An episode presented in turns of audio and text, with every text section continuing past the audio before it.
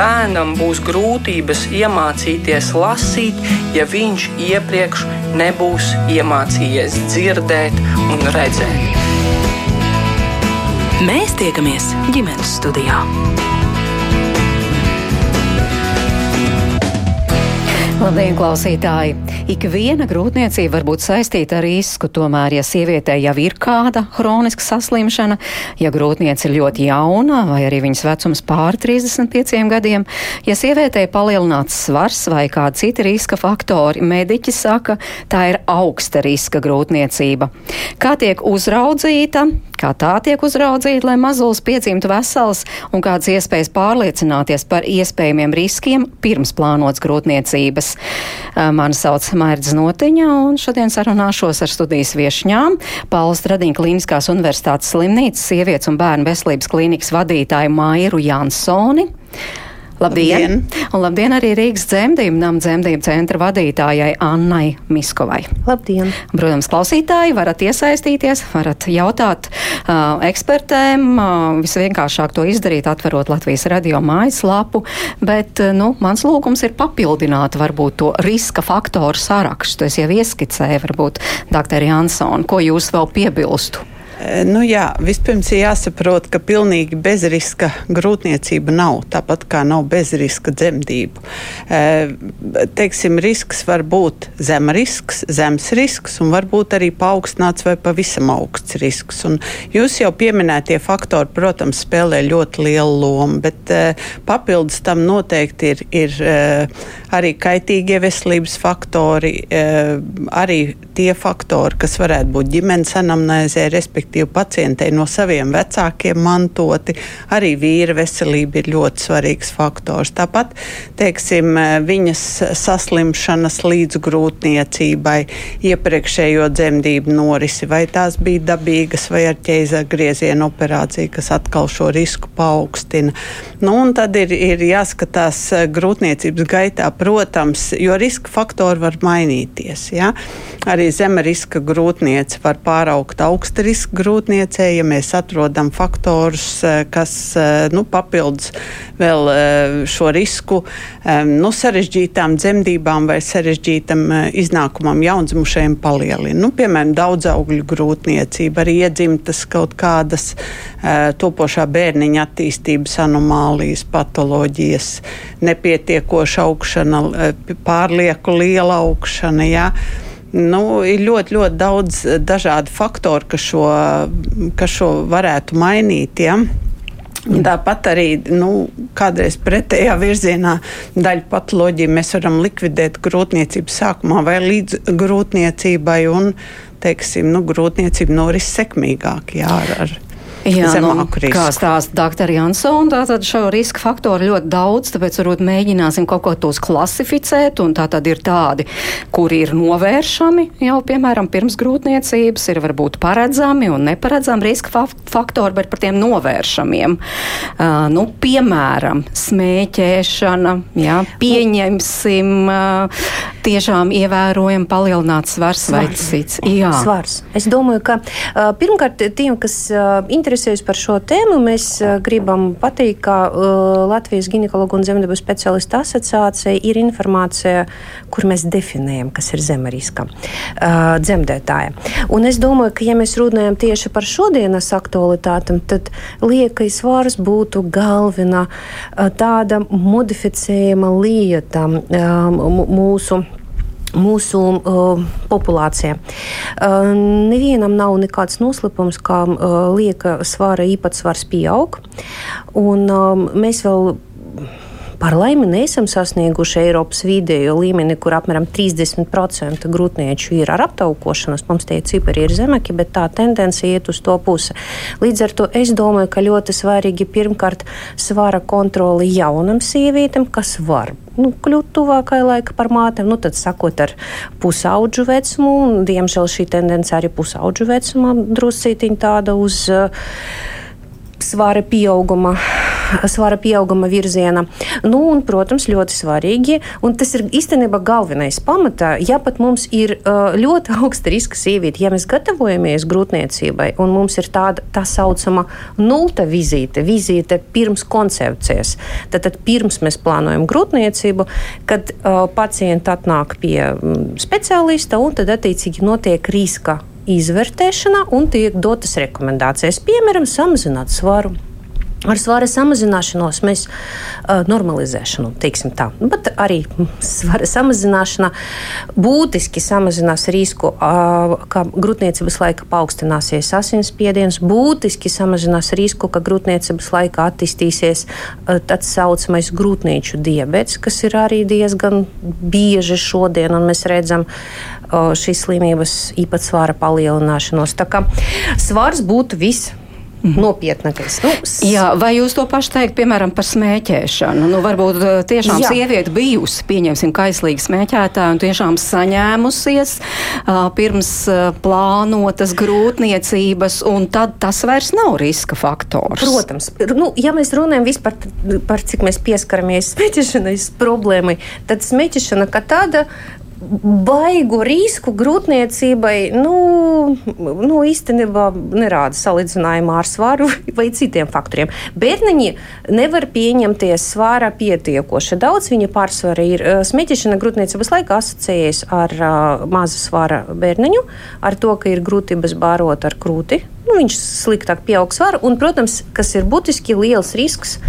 Tas atslāņošanai, atslāņošanai drusciņi lielāks. Un galvenā problēma ir tā saucama pēkšņas nāves sindroms, kas var attīstīties gan zīdaiņu perioda, gan arī intrauterīna. Šis ir galvenais. Mm, nu, bet tas ir ļoti nopietni. Jā, doktor Jansons, vai ne? Tomēr, Protams, vai varētu jā, teikt, tā kā... ka, ka tā smēķēšana tomēr nav liels risks? E, nu, redziet, riski jau viss summējās risinās. Ja, un, un e, riska lielums nevienmēr nosaka, ka tā patoloģija notiks. Nu, kādreiz pacients saka, jā, nu, man kaimiņiem smēķē, nekas nenotika. Bet viņai ir, ir e, vēl mācīts organismā, varbūt bērniņš aiziet bojā, tāpēc, kad ir nepietiekoši attīstās placenta, jo tiek sašaurināta asinsvadi. Ja? Un, un, un viņš nesaņem visas šīs barības vielas, e, un viņa augšana tiek traucēta, vai viņš arī pārstāja augt. Ja? Un, protams, tas ietekmē arī viņa attīstību tālāk. Mēs jau nezinām, katram nevar, neesam izsakojuši līdzi, un to arī nevaram izdarīt. E, kāds, kāda viņam, teiksim, sekmes skolā, kāda viņam tālāk ir, ir e, dzīvē panākumi, ja, ko viņš var izdarīt un kādi riski veidojas, jo ir vesela rinda patoloģija, to pašu e, diabētu. Ja. Diabēts grūtniecības laikā ir lielāks risks, ka tas diabēts arī pēc dzemdībām vienkārši būs jau kā pastāvīgs diabēts. Ja, līdz ar to tālāk uh, diabēta pacientiem, diabēta dzimušajiem bērniem, ja, ja mammai ir šis diabēts, arī ir, ir augstāks risks tālāk dzīvē, gan diabēta attīstībai. Ja. Tas ir viena vien no patoloģijām, kas arī tiek pārnest no paudzes paudzē. Ja. Tātad līdz ar to arī veselības traucējumi var būt ne tikai mammai grūtniecības laikā, bet to viņi var iedot arī kā mantojumā savam mazulim, kuram arī dzīves laikā var būt dažādas problēmas veselības. Droši vien, ka šo informāciju grūtniecēm, piemēram, ginekologs eh, izskaidro, izstāst jūsu novērojumi. Eh, pietiekami daudz pāru jau tik tālredzīgi nāk, interesējas un eh, mēģina tiešām sakārtot sevi, lai tas iznākums būtu pēc iespējas labāks. Tas ir ļoti svarīga tēma, kurai mēs tagad pieskaramies. Apmēram 50 80% no grūtniecībām ir neplānotas. Līdz ar to mēs varam pateikt, ka puse rūpējas, puse nu, teiksim, nerūpējas, vai rūpējas nepietiekoši, vai nu, es nezinu. Bet kopumā šis koncepts mums nenormāli svarīgs vispār sabiedrības veselības konteksta, jo grūtniecībā ir tāds periods, kad veidojas pam veselības, nu, teiksim, tā bāze. Un mēs to saucam zinātnīgi par epigenētiku. Tad, tad faktiski eh, koncepts ir tāds, ka auglis ir uh, organisms, kas attīstās savā pasaulē, vide. Un tā vide ir mate. Un viss, kas notiek ar mati, ietekmē uh, augļa gēnu tālāku ekspresiju. Nu, piemēram, Ja mēs dzīve, dzīvosim veselīgu dzīvesveidu, ja, tad mēs mazināsim riskus uz diabetu, uz hipertenziju un li, uz lieko svāru. Un tad, tad visi tie pamati tiek veidoti tieši grūtniecības laikā.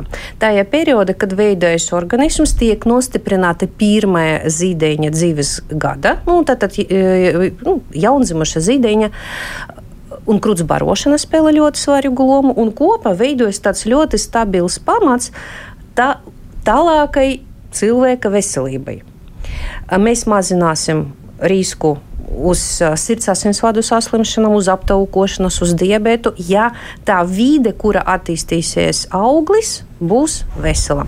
Līdz ar to es nevaru pateikt, ka man ir daudz tādu pacientu, kas atnāk. Pirms viņi plāno grūtniecību, bet apmēram puse no visiem jaundzimušiem ir plānoti, un ideālajā situācijā veidojas tāda zemāka riska vide. Kā jums, doktor Jānis? E, jā, nu, es tev varu piekrist, bet e, arī no tiem neplānotajiem nu, ir tomēr atšķirības. Protams. Ir tādi, kas, e, nu, ja gadās, gadās, ja, bet viņi, nu, teiksim, ģimene pati piekop veselīgu dzīvesveidu, viņi priecīgi par iestājušos grūtniecību, ja, bet ir arī tādas, kur, nu, skaidri redz, ka tas fons ir tik nelabvēlīgs un ka iepriekš tie riska faktori nav mēģināti pat mazināt, likvidēt un tā tālāk tālāk. Un tās ir visproblemātiskākās, un tās būtībā ir grūtnieces, kuras visgrūtāk, kuram visgrūtāk ir tikt klāt, ja, jo viņas nenāk ne pirms koncepcijas vizītē, viņas nevienmēr nāk arī, mēs esam priecīgi, ka atnāk vispār, jā, arī grūtniecības aprūpē, bet nereti ir dažādi arī sociālie faktori, kas viņām traucē, un, un, un tā ir tā grupa, kurai grūti tikt klāt ir, ja, mēs mēģinam arī, arī iesaistīt ģimenes medicīnu medicīnas speciālistus, ģimenes ārstus, eh, sociālos darbiniekus, lai šīs grūtnieces tiktu aprūpētas un lai pēc iespējas veselīgāk būtu tā vide eh, tam mazulim, jā, kas attīstās. Bet tā, tā ir patiešām tā ir nu, visproblemātiskākā grupa, kas ir grūtnieču vidū. Jā, ļoti būtiski jā, tikt klāt, kā jūs sakāt, jo faktiski šīs augsta riska grūtniecības ir arī skrupulozāk jānovēro, Protams. dažādi izmeklējumi tam līdzīgi. Ko jūs iesakāt sievietēm, nu, atnāk pēc 35 gadu vecuma? Tātad gaidāms bērniņš, kas arī nu, tagad jau tā gandrīz vai ir norma. Jūs joprojām sakāt, ka tā ir augsta riska grūtniecība? Um, joprojām mēs definēsim tādu grūtniecību kā augsta riska grūtniecību tikai ņemot vērā faktu, ka uh, pēc 35 gadiem es ne, negribu tagad nevienu šokēt, bet nu, tā ir. Varbūtība, ka notiks uh, sarežģījumi grūtniecības laikā, uh, ir divreiz lielāki nekā pirms 35 gadiem, un pēc 40 gadiem tie riski ir trīskaršojas. Nu, teiksim, varbūtība, kā notiks mātes nave dēļ grūtniecības komplikācijām, reāli pēc 40 gadiem trīs reizes lielāka, pēc, 3, pēc 35 gadiem divreiz lielāka. Bet, protams, mums ir jāsaprot, ka mums nav tāda kaila statistika. Mums ir dzīve tāda, kāda viņa ir. Un, paldies Dievam! Mēs varam pateikt absolūti 100%, ka uh, grūtniecības aprūpe, antinatāla aprūpe un intranatāla aprūpe Latvijā ir labi veidota veidotā, un uh, mēs varam pateikt, ka pateicoties antinatālajai aprūpei un intranatālajai aprūpei, tie individuālie riski var būt mazināti. Un, ja mēs paņemsim kaut kādu sievieti, kura ir 40 gadi un kura paliek stāvokli un novērojas un dzemdēs Rīgā, un, teiksim, 25 gadīgu sievieti, kurā dzemdēs un uh, mazāk attīstītajā valstī, tad viņi tie riski būs krietni lielāki, neskatoties uz vecumu. Tad, tad šodien, protams, nu, tādas diagnozes, kā veica pirms dzemdētāja, vai mhm. mēs nerakstām, bet mēs to tomēr ņem, ņemsim vērā, veidojot grūtniecības novērošanas plānu un dzemdību plānu. Bet ir kaut kas jauns arī šajā novērošanas plānā.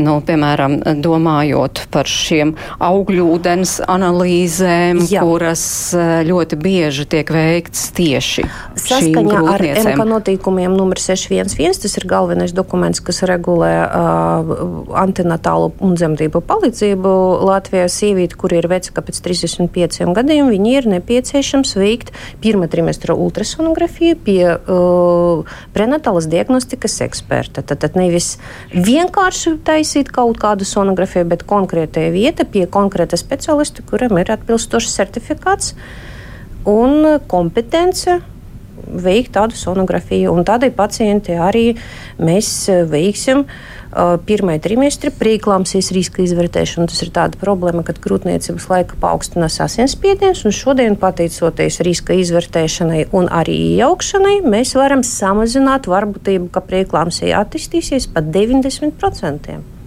Nu jā, tā kā varētu teikt, ka faktiski šī uzraudzība jau ir tādā pasaules līmenī. Ja.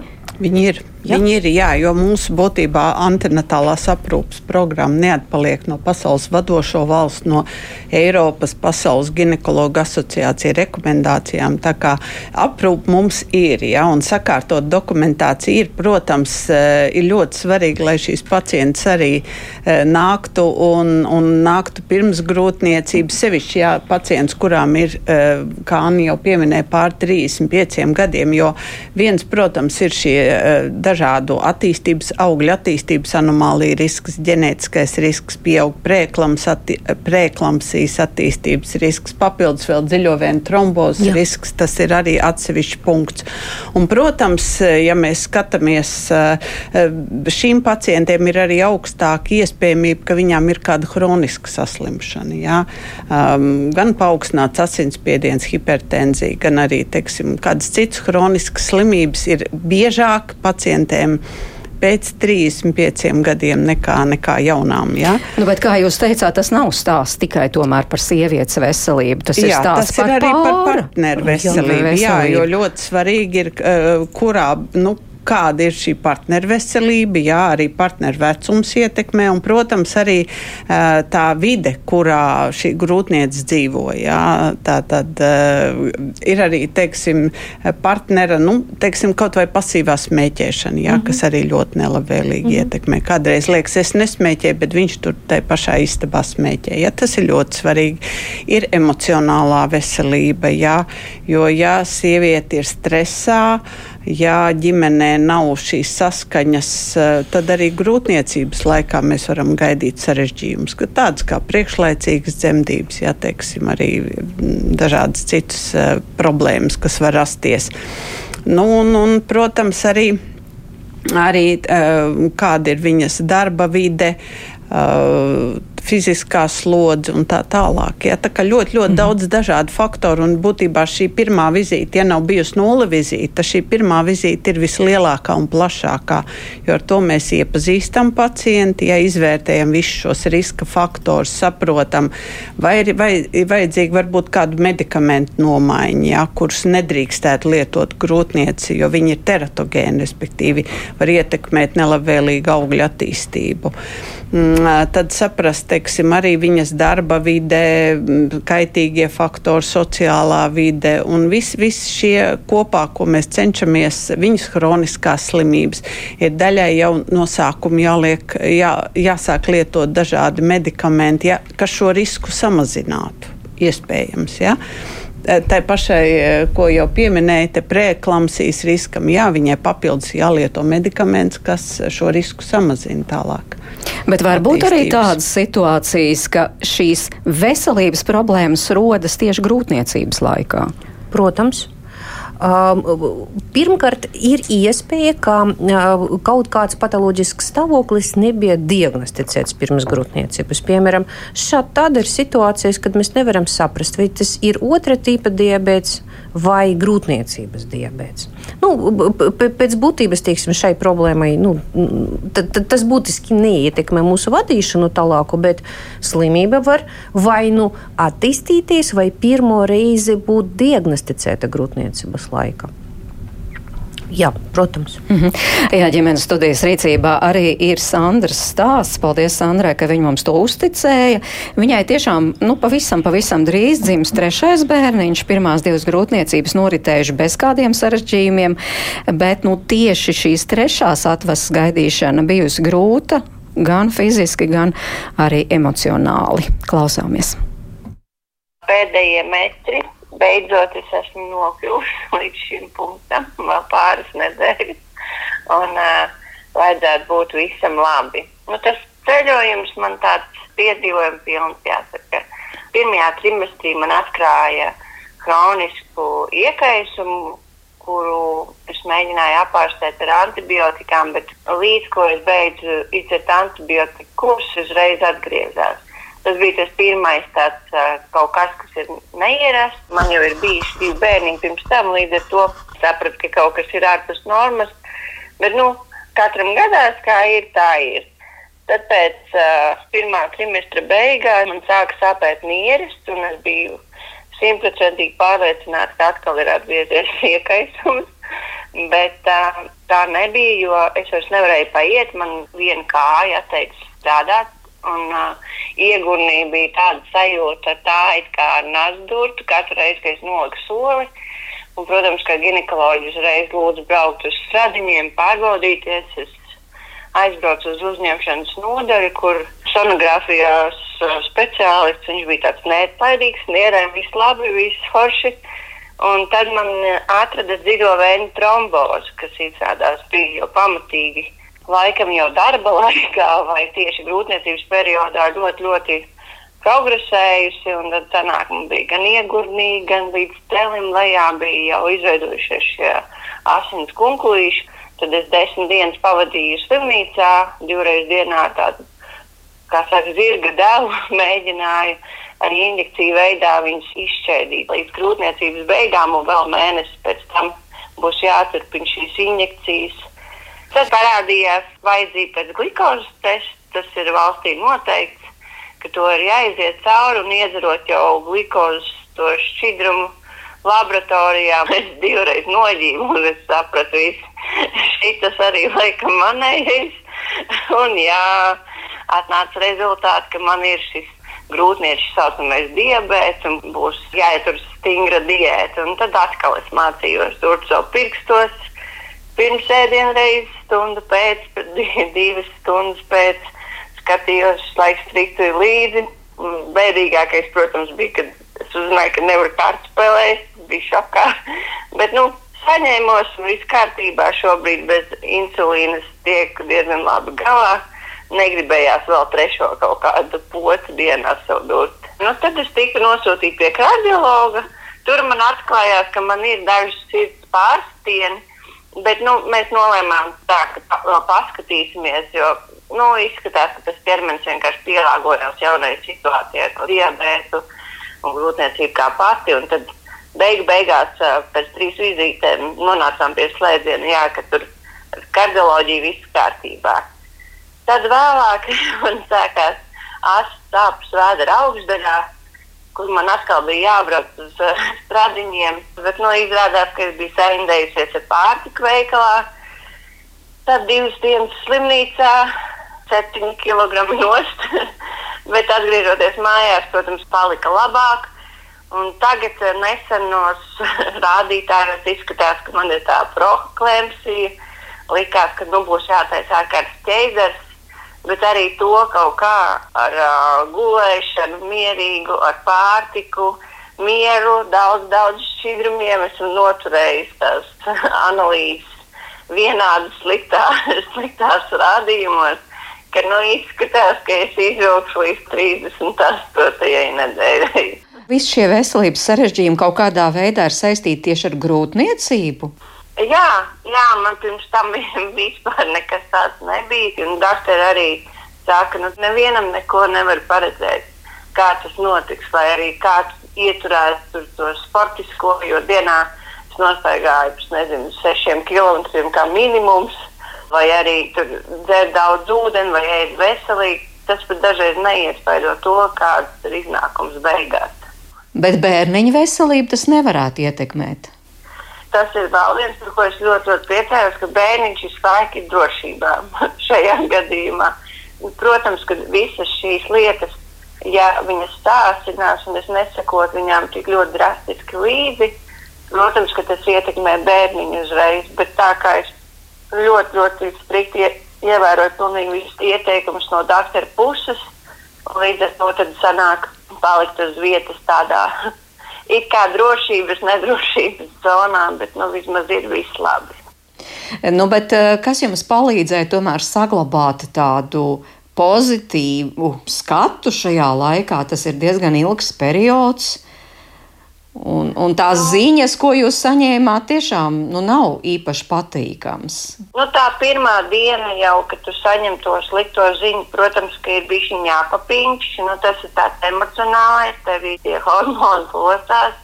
Bet laikam man tāds darbiņš, man darbā visu laiku ir stresa situācijas, un viņas tevi nu, nekur nepazudīs, kamēr tu ar viņiem nestrādās. Un tad ir tāds pirmais tāds paraudi Tad man ir ārkārtīgi atbalstošs partneris un uh, arī draugi, ģimene. Tad uh, liekas vienkārši, nu, ja tu to dari, tad tev vairs neliekas tik bailīgi. Brīdī, kad tu vienkārši sēdi un domā, ak, nē, kāpēc man kaut kas tāds gadījies, nu, tad ir uh, daudz emocionālāk viss. Tad ir baigi grūti pēc tam no tā izkāpt ārā.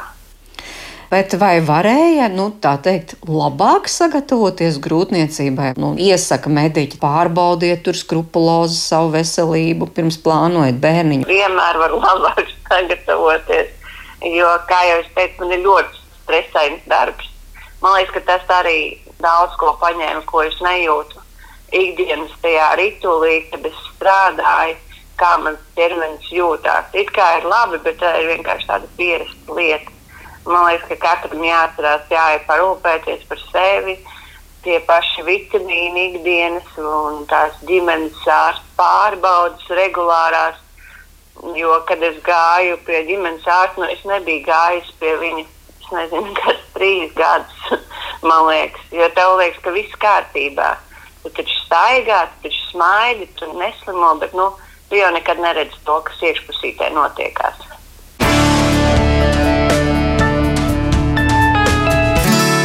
Sandra stāstu klausījāmies ar šīs dienas ģimenes studijas viešņām Māju Jansonu no Paulas Tradiņa Kliniskās universitātes slimnīcas un Annu Misko no Rīgas dzemdību nama. Nu, tiešām klausoties šeit, kā, kā tas var būt, ka tik tik ļoti nopietni sarežģās veselību tieši grūtniecības laikā? Nu, principā, klausoties šo stāstu, jā, es varu teikt, ka Stradiņas slimnīcas pieredze ir tāda, tā ir diezgan klasiska pacienta, kas atrodas stacionārā. Respektīvi, jā, mums bieži vien ir pacients, kuram ir vairākas patoloģijas. Protams, viņas nav savstarpēji saistītas, bet nu, šai pacientei vienkārši vairāk sarežģījumi ir radušies. Bet ņemsim vērā, ka pati grūtniecības fizioloģija arī arī paaugstina risku, piemēram, urīnceļa infekcijām. Es jau sapratu, ka no sākuma arī pacientiem acīm redzot bija e, visticamāk, ka urīnceļos e, šī infekcija, ja, kas tika iespējams bez simptomiem sākotnēji, bet neskatoties to, ka viņi arī ievēro visus e, ārstu varbūt noteiktos, e, noteiktās rekomendācijas urīnceļu infekcija ir diezgan biežs grūtniecības sarežģījums, jo pati grūtniecība ar augošo dzemdi, ar spiedienu uz ure, urīnu vadiem, jā, teiksim, ar hormonālām pārmaiņām un tā tālāk, sekmē šīs infekcijas attīstību. Tāpat jau mēs pieminējam to grūtniecības diabētu. Arī diabēta noslēdz uz diabēta rašanos grūtniecēm ir augstāk. Ja, šai, tāpēc jau ir tas eh, grūtniecības diabēta skrīnings grūtniecēm, ja paredzēts tām, kurām iepriekš nav konstatēts, var veidoties grūtniecības laikā. Jā, un arī dziļo vēju trombozi jau pieminētā. Atkal ņemot vērā, ka grūtniecības laikā pieaug šie koagulācijas faktori, visi, jā, tālāk arī augošā dzemdes spiediens uz ieguņvienām un tā tālāk. Tas atkal ir papildus riska faktors.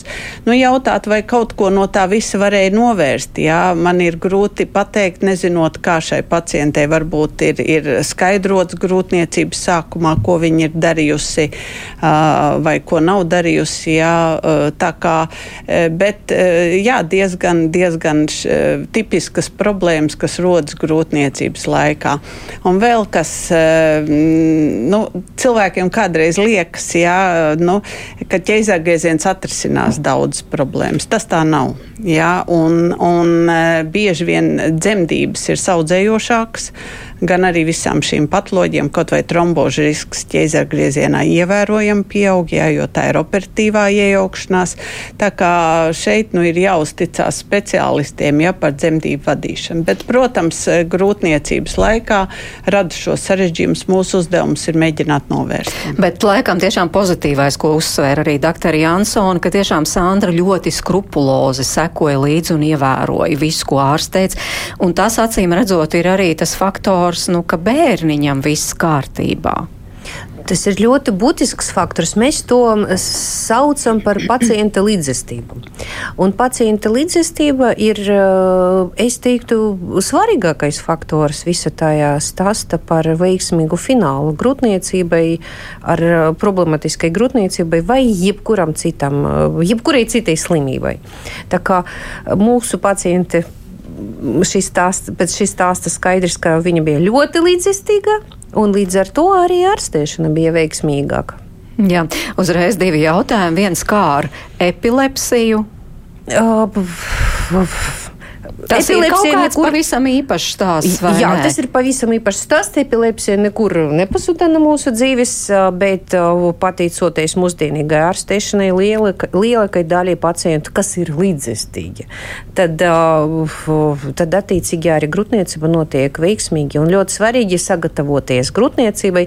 Jebkuri pacienti ar sistemisku saslimšanu un arī epilepsija nevar būt šķērslis šodien. Mm um, grūtniecībai un dzemdībām. Jā, bet Anna jautā, lieliski jau jūs stāstāt par šo, ka tiešām jāseko līdzi, bet kā ir ar finansiālu atbalstu augsta riska grūtniecībā? Vai nav tā, ka tad grūtniecība un tās uzraudzība vairs nav pilnībā finansēta no valsts budžeta? Un starp citu arī Sandra uzsvēra. Viņi tiešām seko Jā. līdzi un tur, piemēram, arī domājot par šo trombozi vai kā jā, to tur jā. sauc, jā, tur ir jālieto medikamenti kuri patiešām ļoti daudz maksā? Tas ir ļoti svarīgs jautājums. Pirmkārt, lielāka daļa izmeklējumu, tā ieskaitā arī prieklāmsies riska izvērtēšana, ir valsts apmaksātie pakalpojumi. Mums ir daži, dažas analīzes, kur mēs vēl gribam dabūt NVD sarakstu, un dotajā brīdī mēs strādājam pie tā. Tas ir grūtnieču holistāzes diagnostika, tāda saucama žultskābes, un precīzi, ka prieklāmsies diagnostika arī ir vēl divi marķieri. Bet es uz gribu, uzreiz gribu pasvitrot, izņemot džulskābes, tas nav kaut kas tāds, kas mums baigi trauca tālāk virzēties uz priekšu. Dotajā brīdī lielāka daļa izmeklējumu, nevis lielāka, bet visi izmeklējumi, kas var mums mainīt uh, riskus, ir valsts apmaksāti. Kas attiecas uz medikamentiem? Protams, prieklāmsies riska mazināšanai uh, šīs medikaments nav uh, ap, valsts apmaksāts, bet jebkura grūtniece var dabūt, uh, ja viņi ir uzskaita pie doktora, kuram ir līgums līgums ar Nacionālo veselības dienestu, 25% atlaidi jebkuriem medikamentiem, nu gandrīz visiem ir jāizraksta speciāla recepte, kas attiecas uz trombožu riskiem tad tādai pacientei, kuru mēs aprakstījām ar jums un par kuru mēs šodien dzirdējam, valsts apmaksā 75% no medikamenti, kas viņi ir nepieciešams. Un mēs tagad strādājam pie tā, lai 100% apmaksā tādai pacientei, bet es uzreiz uh, gribu pievērst mūsu uzmanību tam, ka šeit, tajā stāsta, kuru mēs tikko dzirdējām, pacienti tiešām ir problēma, viņi tiešām ir indicēti medikamenti un viņi tiešām pienākas atlaidi 75%.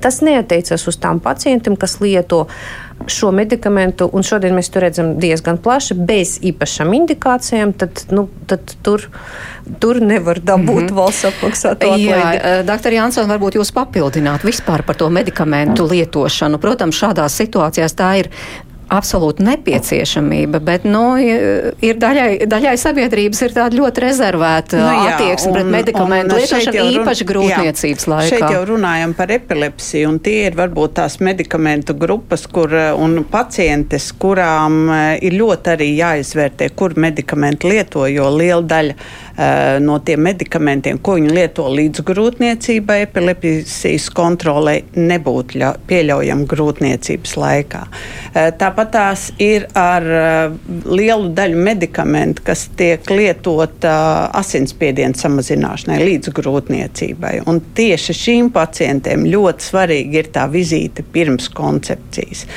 vai tikko iestājoties grūtniecībai kopā ar to speciālistu, kur aprūpē viņi ir, ja viņi ir hroniska paciente, kopā ar ģimenes ārstu. Mums ir jāizlemj tie saudzējošie medikamenti. Protams, Mēs, kā ginekologi, dzemdību speciālisti, jau gandrīz no galvas zinām visus savus medikamentus, jā, un, un, e, kuri ir pieļaujami grūtniecības laikā. Bet tur ir arī ļoti būtiski izvērtēt, jā, kurš grūtniecības laiks tas ir, vai tas ir pats sākums, vai tās ir grūtniecības beigas, jā, kur mums arī ir, teiksim, varbūt plašāka iespēja tos medikamentus lietot. Bet ir daļa medikamentu, kurus nedrīkstētu lietot grūtniecības. Tie ir zinām, viņi nav daudz daudz.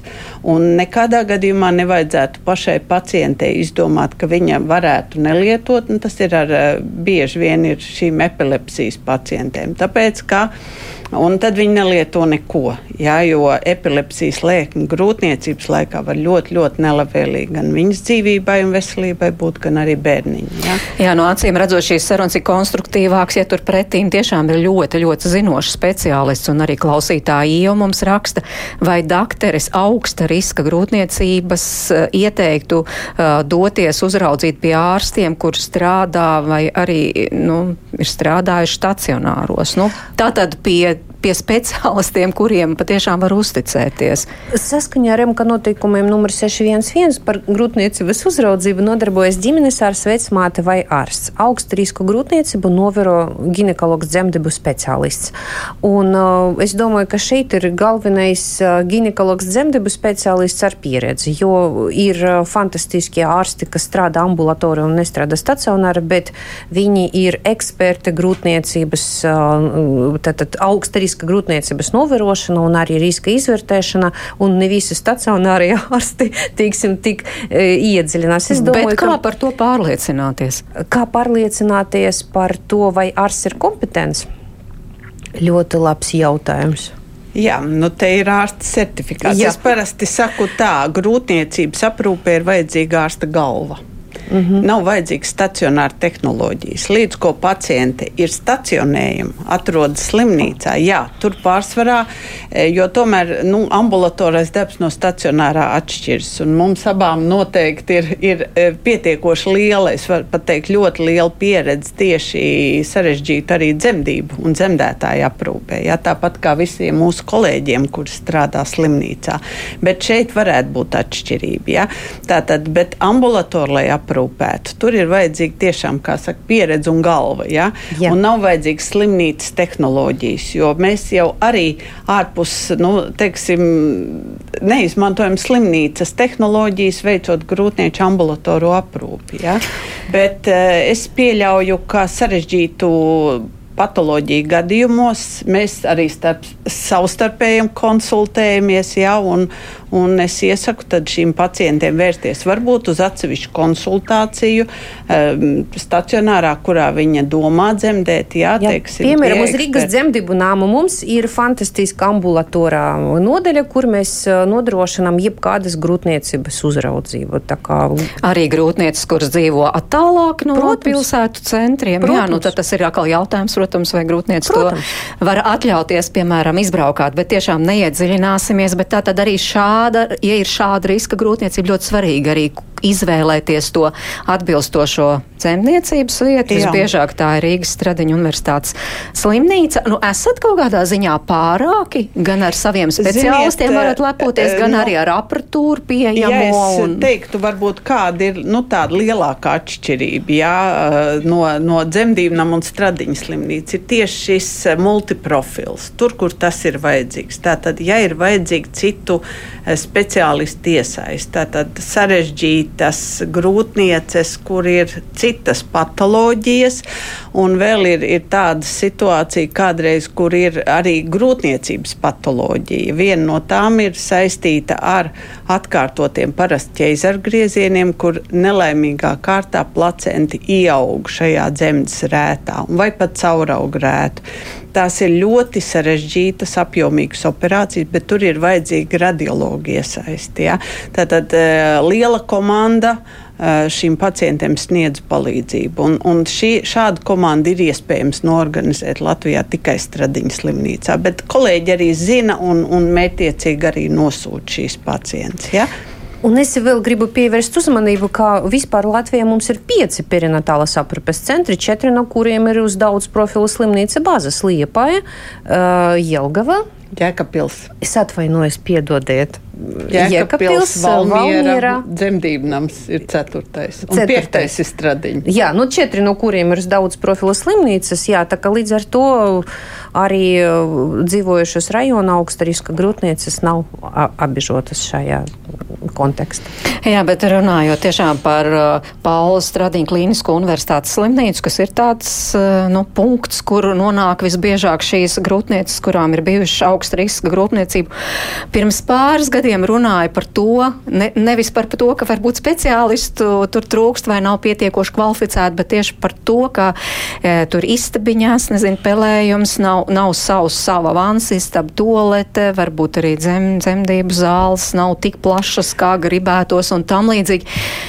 Jūs uh, Tas ir novērsts? Pirmkārt, es teikšu, mēs visi gaidām jauno slimnīcu, kas būs jauno slimnīcu korpus, kurš jau ir uh, ar prieku. Mēs skatāmies, kā viņš jau ir uzcelts un, un paliek šobrīd iekšdarbi, aprīkojums un tā tālāk. Jā, tur patiešām būs ļoti, ļoti mūsdienīgi viss.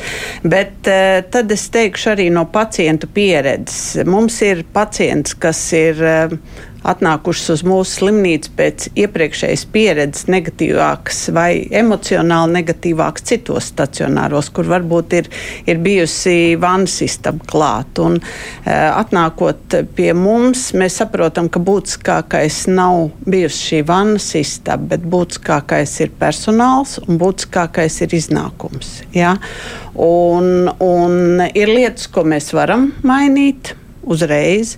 Mēs esam daudz ko uzlabojuši. Ko ir jūs lietas, esat uzlabojuši? Uh, pirmkārt, visās telpās ir bijis remonts, tajās, kas ir ar pacientiem saistīts. Ja? Vai gandrīz visās, bet visās pēcdzemdību. Un, uh, teiksim, mēs esam daudz ko arī uzlabojuši ikdienā, kas galvenais ir pacienta drošība un pacienta drošības uzlabojums ir ievērojami veikti. Ja? To var būt uzreiz pacients atrodoties istabā, ja viss ir ļoti labi, nevar pamanīt. Ja? Bet tas ir sarežģītās situācijas. Tā ir citu speciālistu izsaukšana uzreiz. Jā, teiksim, anesteziologi, reanimatologi ir vajadzība.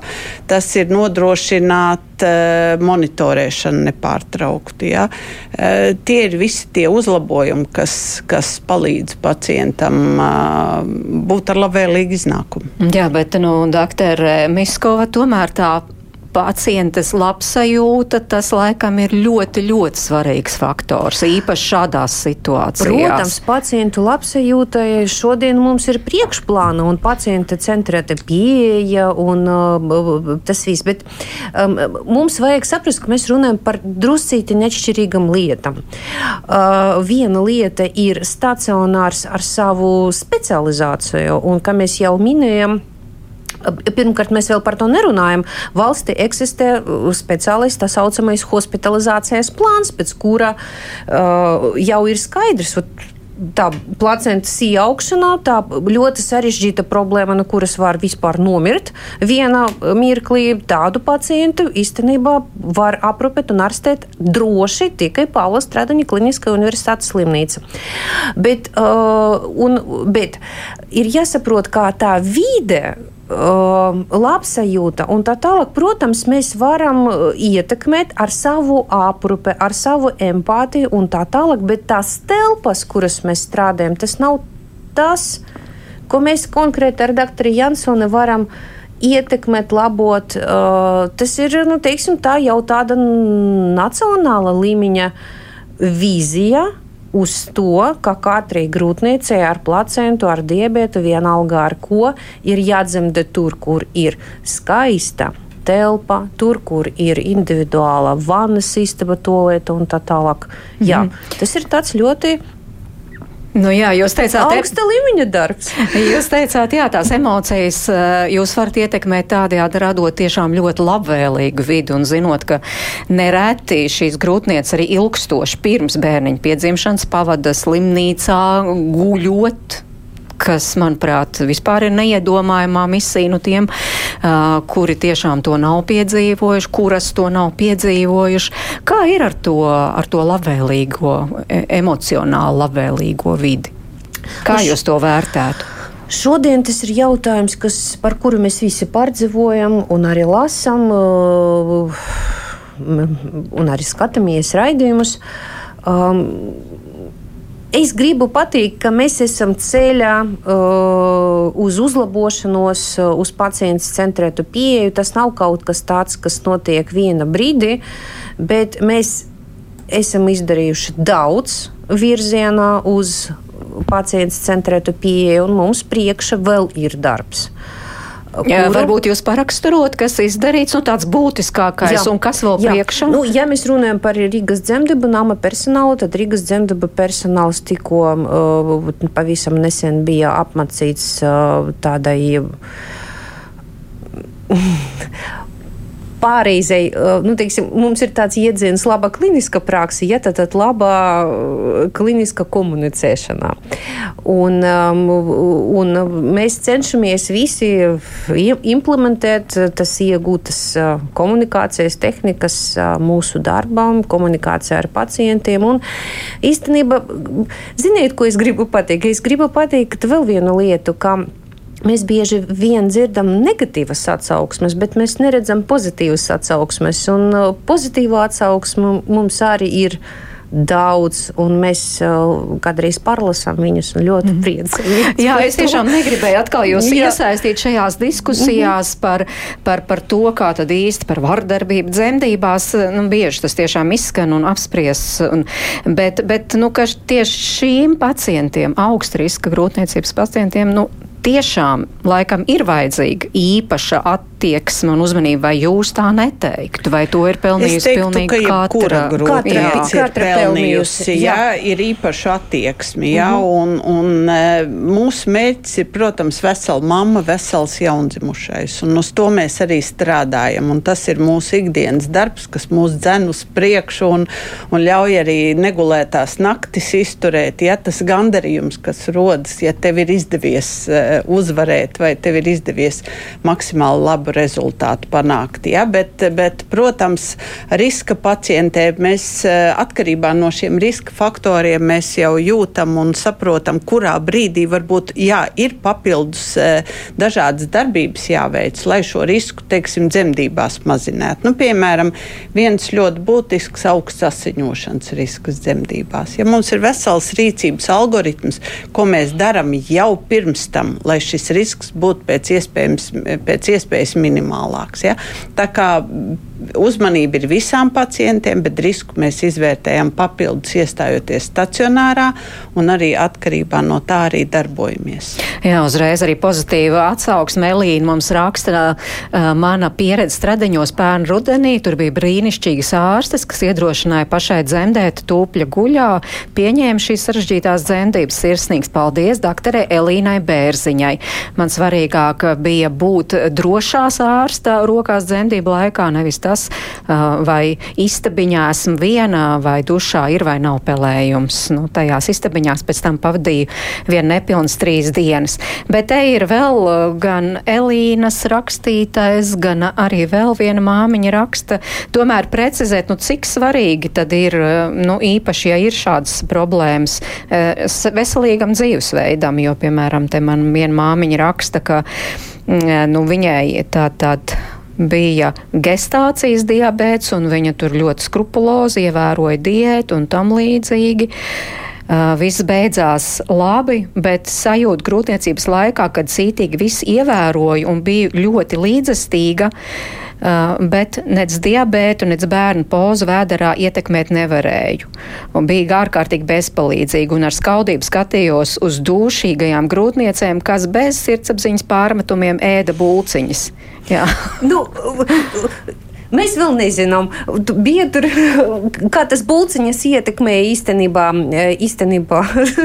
Bērnu lielumu un vai varēja par to domāt. Vai jā. Nē, jā. Vajag katrs atbild par sevi. Un es jā. domāju, ka tā mamiņa, kas skru, skrupulozi sekoja līdzi savam cukuram, viņa uztaisīja milzīgu ieguldījumu sava bērna veselībā. Atcerēsim par to vīdi, kura attīstās bērns. Ja mama, kas ēd bulciņas dušīga un mama, kas seko līdzi savam cukuram, viņa uzlabo savam bērnam veselību un samazina viņam visi iespējamākus riskus. Mēs to saucam par neinfekciju slimībām. Tā kā nevajag tā domāt. Mēs gribam nodot Neatceros vārdu. Elīna. Elīnai sveicienu un patīk, ka viņa ir supermama un viņa izdarīja maksimālo priekš sava bērna, kas ir absolūti, absolūti nepieciešams katrai mātei. Un galvenais, ka viņai bija droši vien vieglāk dzemdēt, jo vienmēr ir jāatceras, ka bērniņu, kas ir 3500, vieglāk spies nekā bērniņš, kas ver 4500. Jā, un Alisa vēl raksta viegli pateikt, visu grūtniecības laiku sportoju, ēdu veselīgi, bet konkrēti neko nepasaka, kā to panākt panākt. Plus neuzskatu, ka, ja ir palicis tikai viens mēnesis, eh, vajadzētu grūtnieci uztraukt ar kaut kādām diētām. Nu, mēs jau to arī sākumā ne, teicām. Ne, mēs, mēs, es Jā. nevaru tam piekrist, tāpēc, ka, ja mēs runājam par gestācijas diabetu un diabetu kā tādu, tad grūtniecības pēdējā mēnesī bērniņš var pieņemties svara 400-500 grami nedēļā. Ja? Tā kā nevaru piekrist šim. Bet Noslēdzot mūsu sarunu, nu, varbūt kāda jauna sieviete klausās un domā, ārprāts, kas viss nenotiek grūtniecības laikā. Cik tad procentuāli daudz ir šādu grūtniecību ar augstu risku? Vispār ir kaut kādi dati par jā, šo? Liela daļa mamiņu piedzimti veiksmīgi. Un, ja mēs runājam par Latvijas statistiku, tad mums ir ļoti labvēlīga statistika. Gan arī jaundzimušo ziņa, gan arī augļu ziņa. Viss būs labi. Galvenais uh, nakt uzskaitē, būt uh, līdzjūtīgam, un viss būs labi. Kā es parasti saku, ja daba nebūtu paredzējusi sievietei dzemdēt vagināli, tad tas arī nenotiktu. Ja? Mm -hmm. Tā tad daba ir to paredzējusi, un lielākā daļa patiešām piedzemdē pašas. Arī riska māmiņas izdodas iznēsāt un piedzemdēt ļoti, ļoti veiksmīgi ar ļoti labiem rezultātiem. Paldies doktorei Mairai Jansonai un Annai Miskovai. Paldies, ka atradāt laiku Paldies, un atnācāt šeit uz ģimenes studiju. Raidījuma producents Ieva Zēza un Sarmīta Kolā. Kolāte, Toms Šits un Katrīna Bramberga pie skaņpulces Mairidz Notiņa pie mikrofona. Tiekamies atkal rīt 5 minūtes pāri diviem. Paldies, ka klausījāties šodien, lai jums laba diena!